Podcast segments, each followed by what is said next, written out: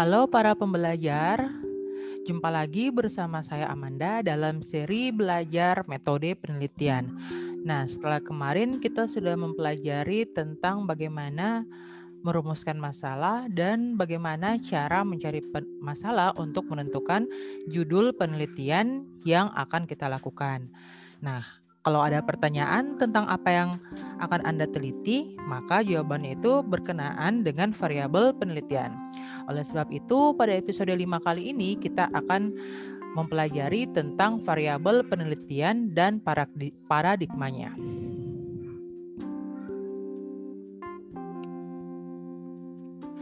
Nah, jadi variabel penelitian pada dasarnya adalah segala sesuatu yang berbentuk apa saja yang ditetapkan oleh peneliti untuk dipelajari sehingga diperoleh informasi tentang hal tersebut, kemudian kita tarik kesimpulannya.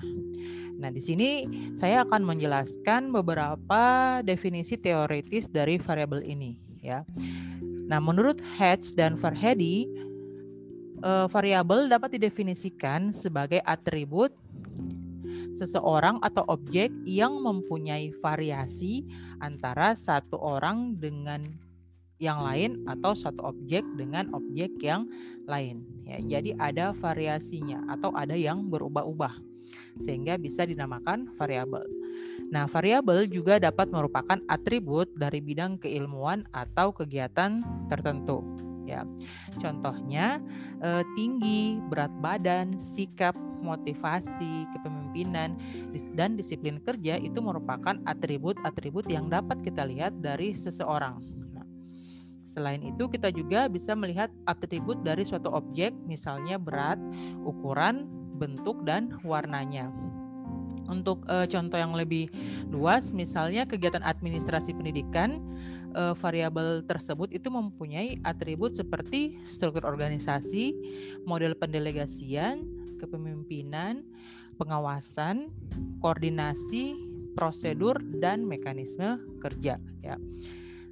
Uh, tadi telah disebut kalau dinamakan variabel itu karena ada variasinya atau ada perubahan-perubahannya. Ya. Misalnya berat badan dapat kita katakan sebagai variabel karena berat badan sekelompok orang itu bervariasi antara satu dengan yang lain. Begitu juga dengan prestasi belajar. Kemampuan guru juga dapat kita katakan sebagai variabel. Karena e, misalnya prestasi belajar dari sekelompok murid itu tentu saja bervariasi. Begitu juga kemampuan guru e, dari beberapa orang guru juga pasti bervariasi. Jadi kalau peneliti akan memilih variabel penelitian, penelitian baik yang dimiliki oleh objek, orang maupun bidang kegiatan dan keilmuan tertentu, maka harus ada variasinya. Ya, kalau misalnya dia tetap tanpa ada perubahan atau tanpa ada variasi, dia tidak bisa dikatakan sebagai variabel. Nah, menurut Kerlinger, variabel itu adalah konstruk atau sifat yang akan dipelajari. Ya, contohnya itu misal e, contohnya tingkat aspirasi, penghasilan, pendidikan, status sosial, e, jenis kelamin, golongan gaji, itu semua merupakan e, sesuatu sifat dari objek atau orang yang bisa kita pelajari. Selain itu, Kerlinger juga menyatakan bahwa variabel dapat dikatakan sebagai suatu sifat yang diambil dari suatu nilai yang berbeda sehingga ini kembali lagi ke defi, uh, mengikuti definisi dari Has dan Farhadi tadi kalau variabel itu haruslah sesuatu yang bervariasi. Uh, selain itu ada juga uh, penjabaran dari Kider yang menyatakan kalau variabel itu adalah suatu kualitas di mana peneliti mempelajari dan menarik kesimpulan darinya. Ya, jadi variabel ini dia menyatakan kualitas atau sifat dari suatu objek. Nah, berdasarkan pengertian-pengertian tadi, kita bisa menarik kesimpulan kalau variabel penelitian itu adalah suatu atribut atau nilai atau sifat dari orang atau objek atau kegiatan yang mempunyai variasi tertentu yang ditetapkan oleh peneliti untuk dipelajari, kemudian ditarik kesimpulannya. Nah, setelah memahami makna variabel, kita akan lanjut melihat uh, jenis-jenis variabel yang bisa kita tentukan dalam suatu penelitian. Nah, menurut hubungan antara satu variabel dan variabel yang lain, maka macam variabel-variabel dalam penelitian itu dapat kita bedakan menjadi beberapa ya. Di antaranya yang pertama itu ada yang disebut dengan variabel independen. Nah, variabel ini sering juga disebut sebagai variabel stimulus atau variabel prediktor atau variabel antecedent ya. Dalam bahasa Indonesia sering juga kita kenal dengan istilah variabel bebas. Jadi variabel independen atau variabel bebas ini merupakan variabel yang mempengaruhi atau yang menjadi sebab perubahan atau timbulnya variabel dependen atau terikat ya. Jadi tadi eh, dikatakan kalau jenis-jenis ini dia muncul berdasarkan adanya hubungan antar variabel. Nah, untuk variabel independen sendiri dia itu dikatakan eh, sebagai variabel yang mempengaruhi atau menjadi sebab dari suatu variabel lain yang disebut dengan variabel terikat ya.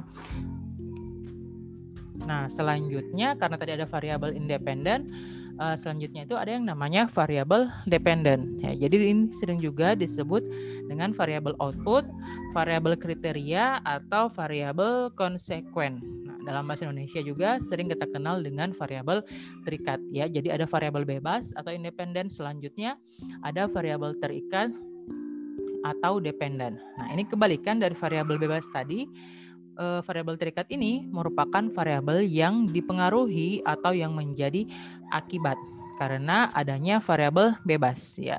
Jadi antara variabel independen dan variabel dependen ini saling uh, terikat satu sama lain ya. Mereka tidak muncul uh, tidak bisa muncul secara sendiri-sendiri.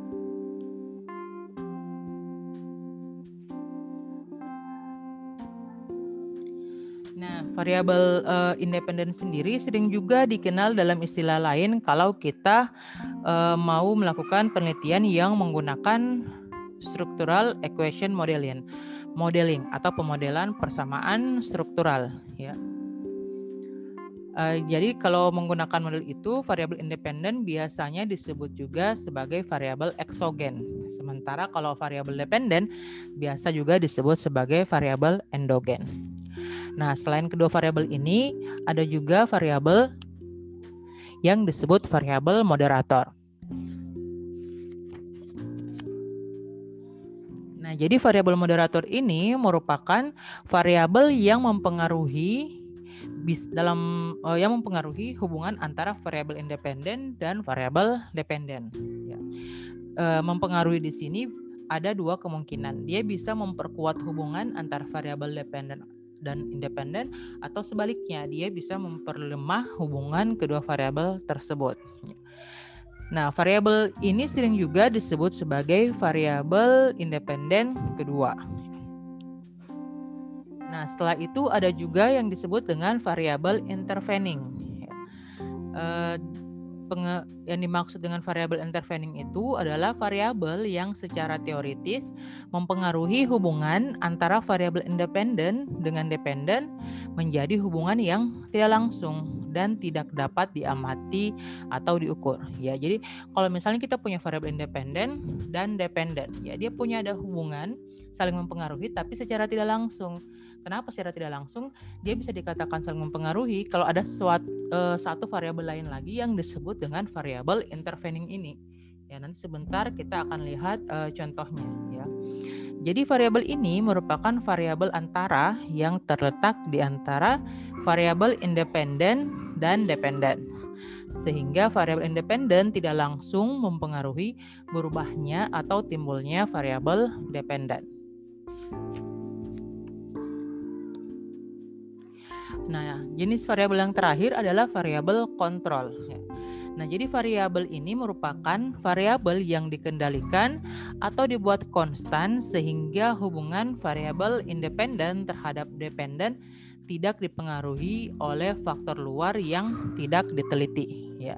Jadi variabel kontrol sering digunakan oleh peneliti bila akan melakukan penelitian yang bersifat membandingkan. Ya, jadi ini variabel kontrol ini digunakan oleh peneliti untuk menjaga stabilitas dari lingkungan eksperimennya. Ya, jadi supaya uh, tidak ada pengaruh dari luar yang mempengaruhi hubungan antara variabel bebas dan variabel terikat.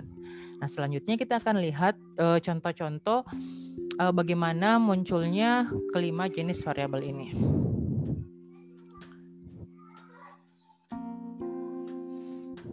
Uh, yang pertama di sini kita lihat ada uh, contoh hubungan yang paling sederhana itu adalah variabel uh, independen dan dependennya.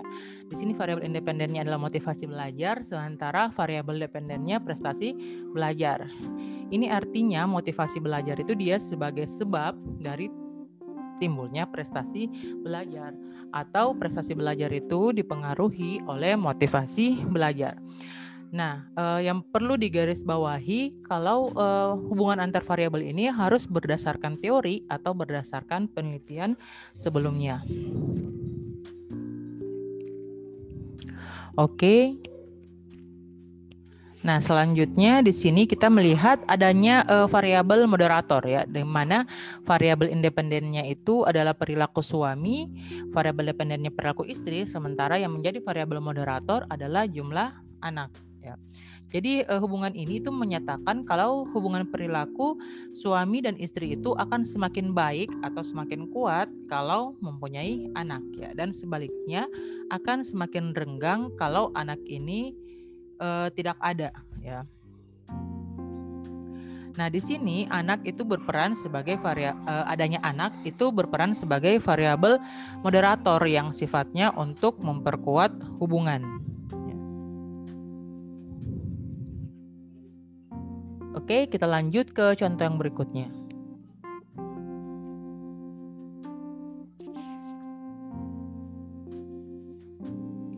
Nah, pada contoh ini kita bisa melihat kalau e, tinggi rendahnya penghasilan akan mempengaruhi e, secara tidak langsung terhadap harapan hidup. Ya, jadi kita lihat e, tinggi rendahnya penghasilan itu dia berpengaruh secara tidak langsung terhadap harapan hidup ya. Nah, agar peng, peri, uh, agar perilaku agar hubungan ini dia kelihat, uh, muncul ada uh, yang disebut yang ada yang berperan sebagai variabel antara atau variabel interveningnya yaitu berupa gaya hidup seseorang ya. Nah, selain itu ada juga yang muncul sebagai variabel moderator yang bisa memperkuat atau memperlemah hubungan antara uh, penghasilan dan harapan hidup ini. Variabel moderatornya di sini adalah lingkungan tempat tinggal.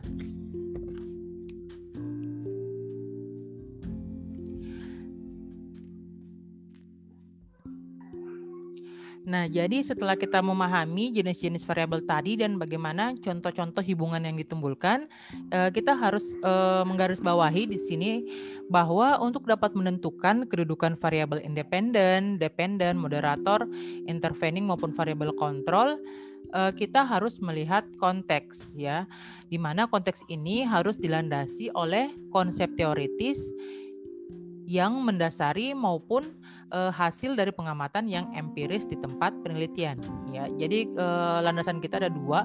Yang pertama adalah konsep teoritis atau kajian teorinya, yang berikutnya adalah uh, hasil dari penelitian lain yang menyatakan kalau uh, ada hubungan yang seperti ini antara variabel-variabel tersebut.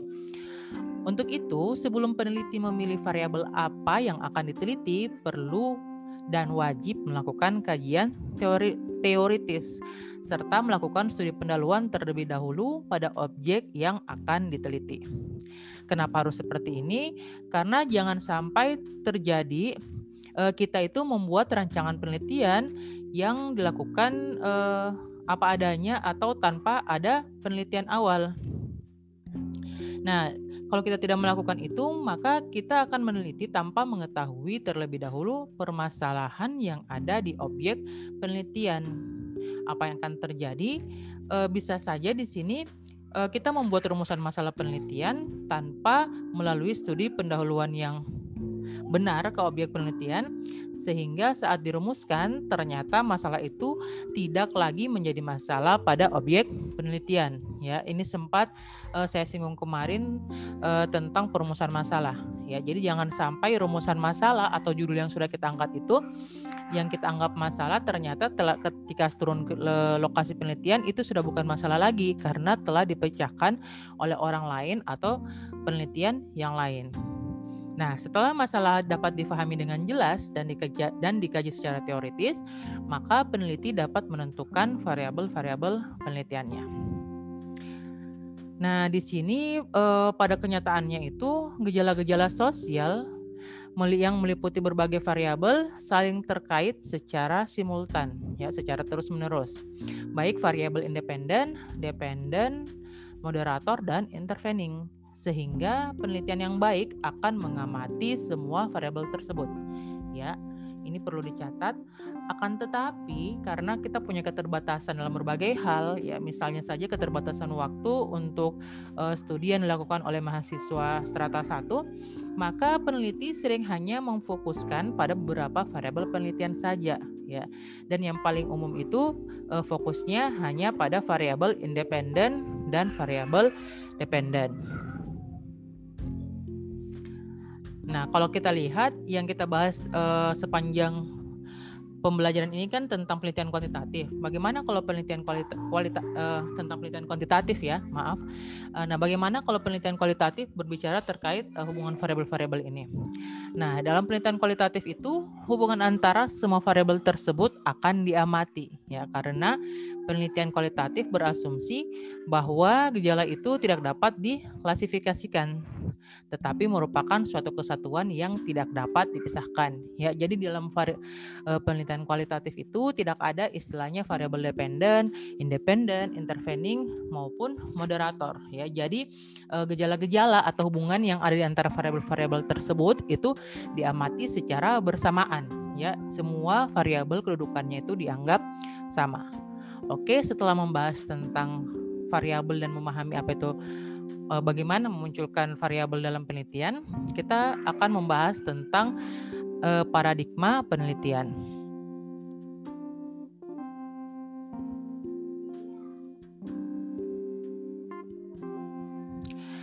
Nah, dalam penelitian kuantitatif yang dilandasi pada suatu asumsi bahwa suatu gejala itu dapat diklasifikasikan dan hubungan gejala itu bersifat kausal atau sebab akibat, maka peneliti dapat melakukan penelitian dengan memfokuskan pada beberapa variabel saja ya.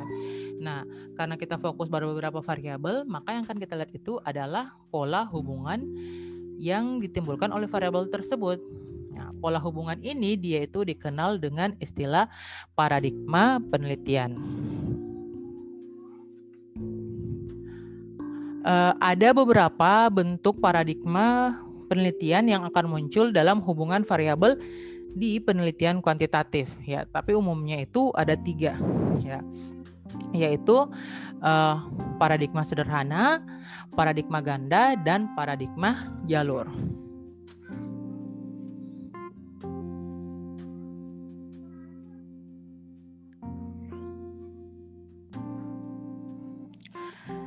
Nah, pada uh, di sini uh, paradigma penelitian ini uh, kita artikan sebagai pola pikir yang menunjukkan hubungan antara variabel yang akan diteliti yang sekaligus mencerminkan jenis dan jumlah rumusan masalah yang perlu dijawab melalui penelitian.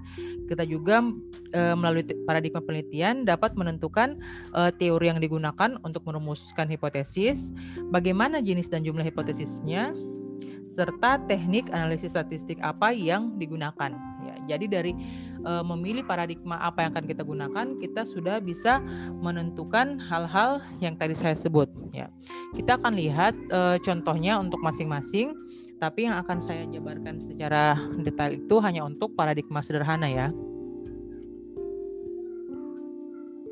Nah, kita lihat di sini contoh untuk uh, paradigma penelitian sederhana. Jadi, untuk paradigma sederhana ini kita hanya lihat hubungan sebab akibat antar variabel, ya. Baik variabel independennya itu hanya satu maupun variabel independennya itu lebih dari satu, ya. Tapi kalau misalnya yang variabel uh, independennya lebih dari satu untuk paradigma sederhana, dia itu uh, variabel independennya harus berurutan. Ya, berurutan dalam hal ini uh, dia nanti akan saling, uh, misalnya kita punya tiga variabel, ya variabel uh, independen yaitu X1, X2 dan X3. Dalam paradigma sederhana yang berurutan berarti kita harus lihat dulu pertama hubungan antara X1 ke X2. Ya, jadi X1 menyebabkan X2, setelah itu X2 menyebabkan X3, baru nanti X3 yang menyebabkan Y ya itu untuk paradigma sederhana yang berurutan. Kalau untuk yang sederhananya yang sederhananya saja hanya melihat satu variabel independen dan satu variabel dependen. Di sini contohnya yang menjadi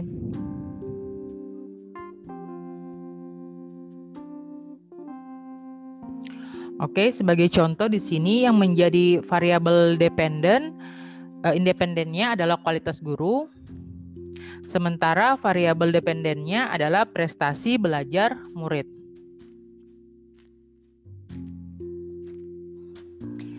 Nah, berdasarkan paradigma ini, uh, kita dapat menentukan uh, jumlah rumus yang pertama itu jumlah rumusan masalahnya, ya uh, di sini karena kita melihat dia hanya ada hubungan sebab akibat, berarti kita bisa merumuskan dua jenis rumusan masalah, yaitu rumusan masalah deskriptif dan rumusan masalah asosiatif. Ya.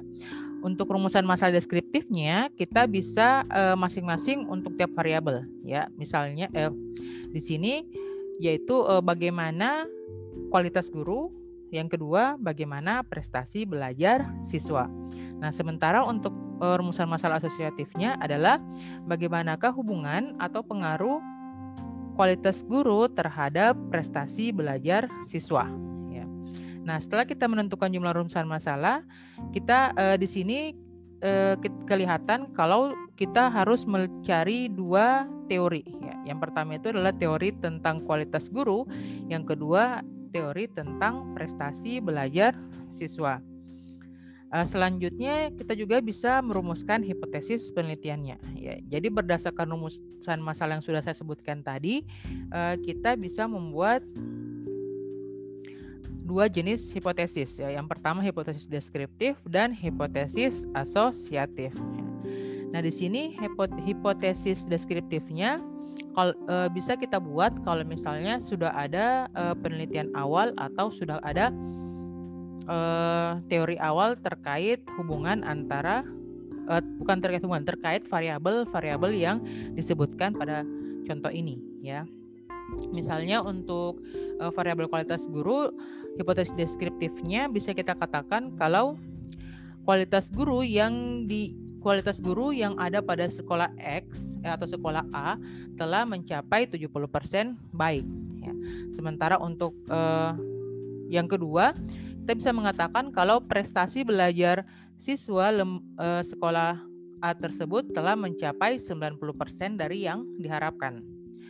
Itu adalah untuk hipotesis deskriptif. Sementara untuk hipotesis asosiatifnya kita bisa mengatakan kalau ada hubungan yang positif dan signifikan antara kualitas guru dengan prestasi belajar siswa.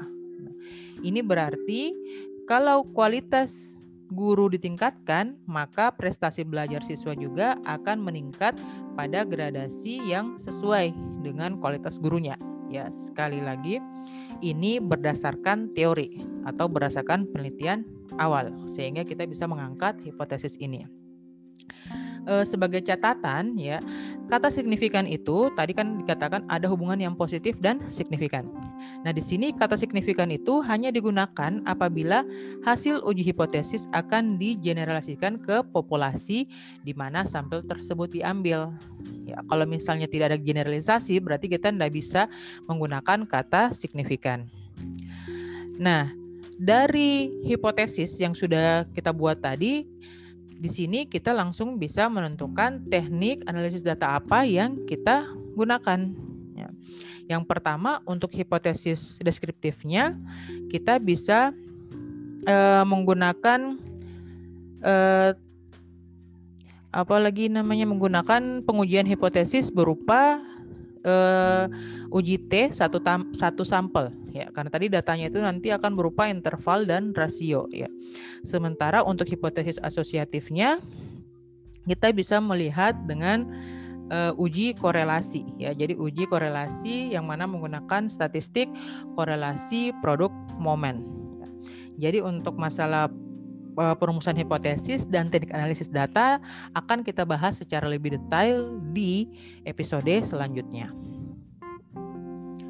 Kita lanjut ke paradigma ganda ya. Jadi yang namanya paradigma ganda di sini yang uh, yang berarti yang ganda itu yang bisa ganda adalah uh, variabel independen maupun variabel dependennya. Ya, jadi bisa variabel independennya le lebih dari satu, bisa juga variabel dependennya yang lebih dari satu. Nah, pada contoh ini di sini variabel independennya yang lebih dari satu ya. Jadi yang variabel bebas itu adalah lingkungan keluarga dan demografi.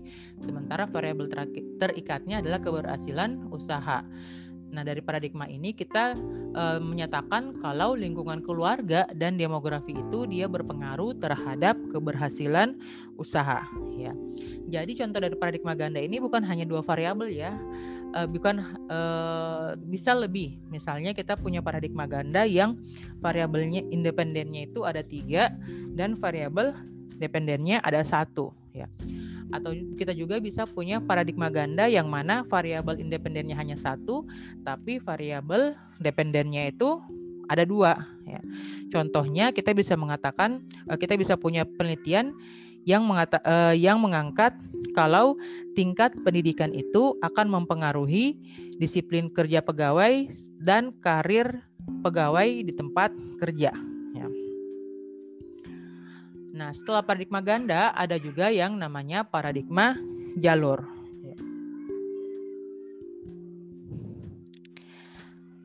Nah, kalau misalnya tadi eh, pada paradigma sederhana dan paradigma ganda eh, hubungannya itu dia berlaku satu arah. Kalau pada pada pada paradigma jalur ini hubungan yang muncul itu bisa saja dua arah ya. Jadi misalnya eh, kayak di contoh ini kita mengatakan kalau status sosial ekonomi, terus IQ dan motivasi berprestasi itu dia berpengaruh terhadap prestasi bisnis ya. Yang mana eks, uh, status ekonomi, sosial ekonomi dan motivasinya dia bisa berpengaruh ke prestasi bisnis secara langsung maupun secara tidak langsung uh, lewat variabel motivasi berprestasinya. Selain itu kita juga uh, melihat kalau ternyata uh, tiap variabel independennya juga itu saling bisa saja saling mempengaruhi. Ya, jadi dia ini uh, disebut menggunakan paradigma jalur. Nah, pada paradigma jalur ini teknik analisis statistik yang digunakan itu disebut sebagai path analysis ya atau istilahnya analisis jalur.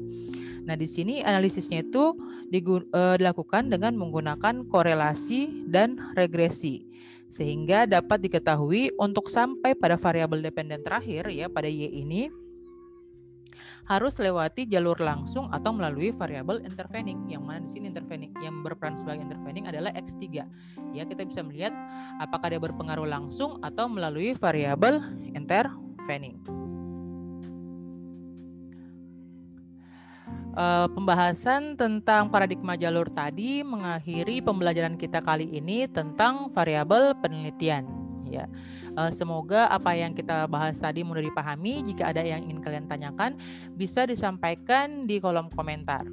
Nah, sekarang eh, materi dari saya juga bisa kalian nikmati versi audionya di podcast eh, dengan judul Belajar Bersama Amanda. Terima kasih, semoga bermanfaat. Assalamualaikum warahmatullahi wabarakatuh.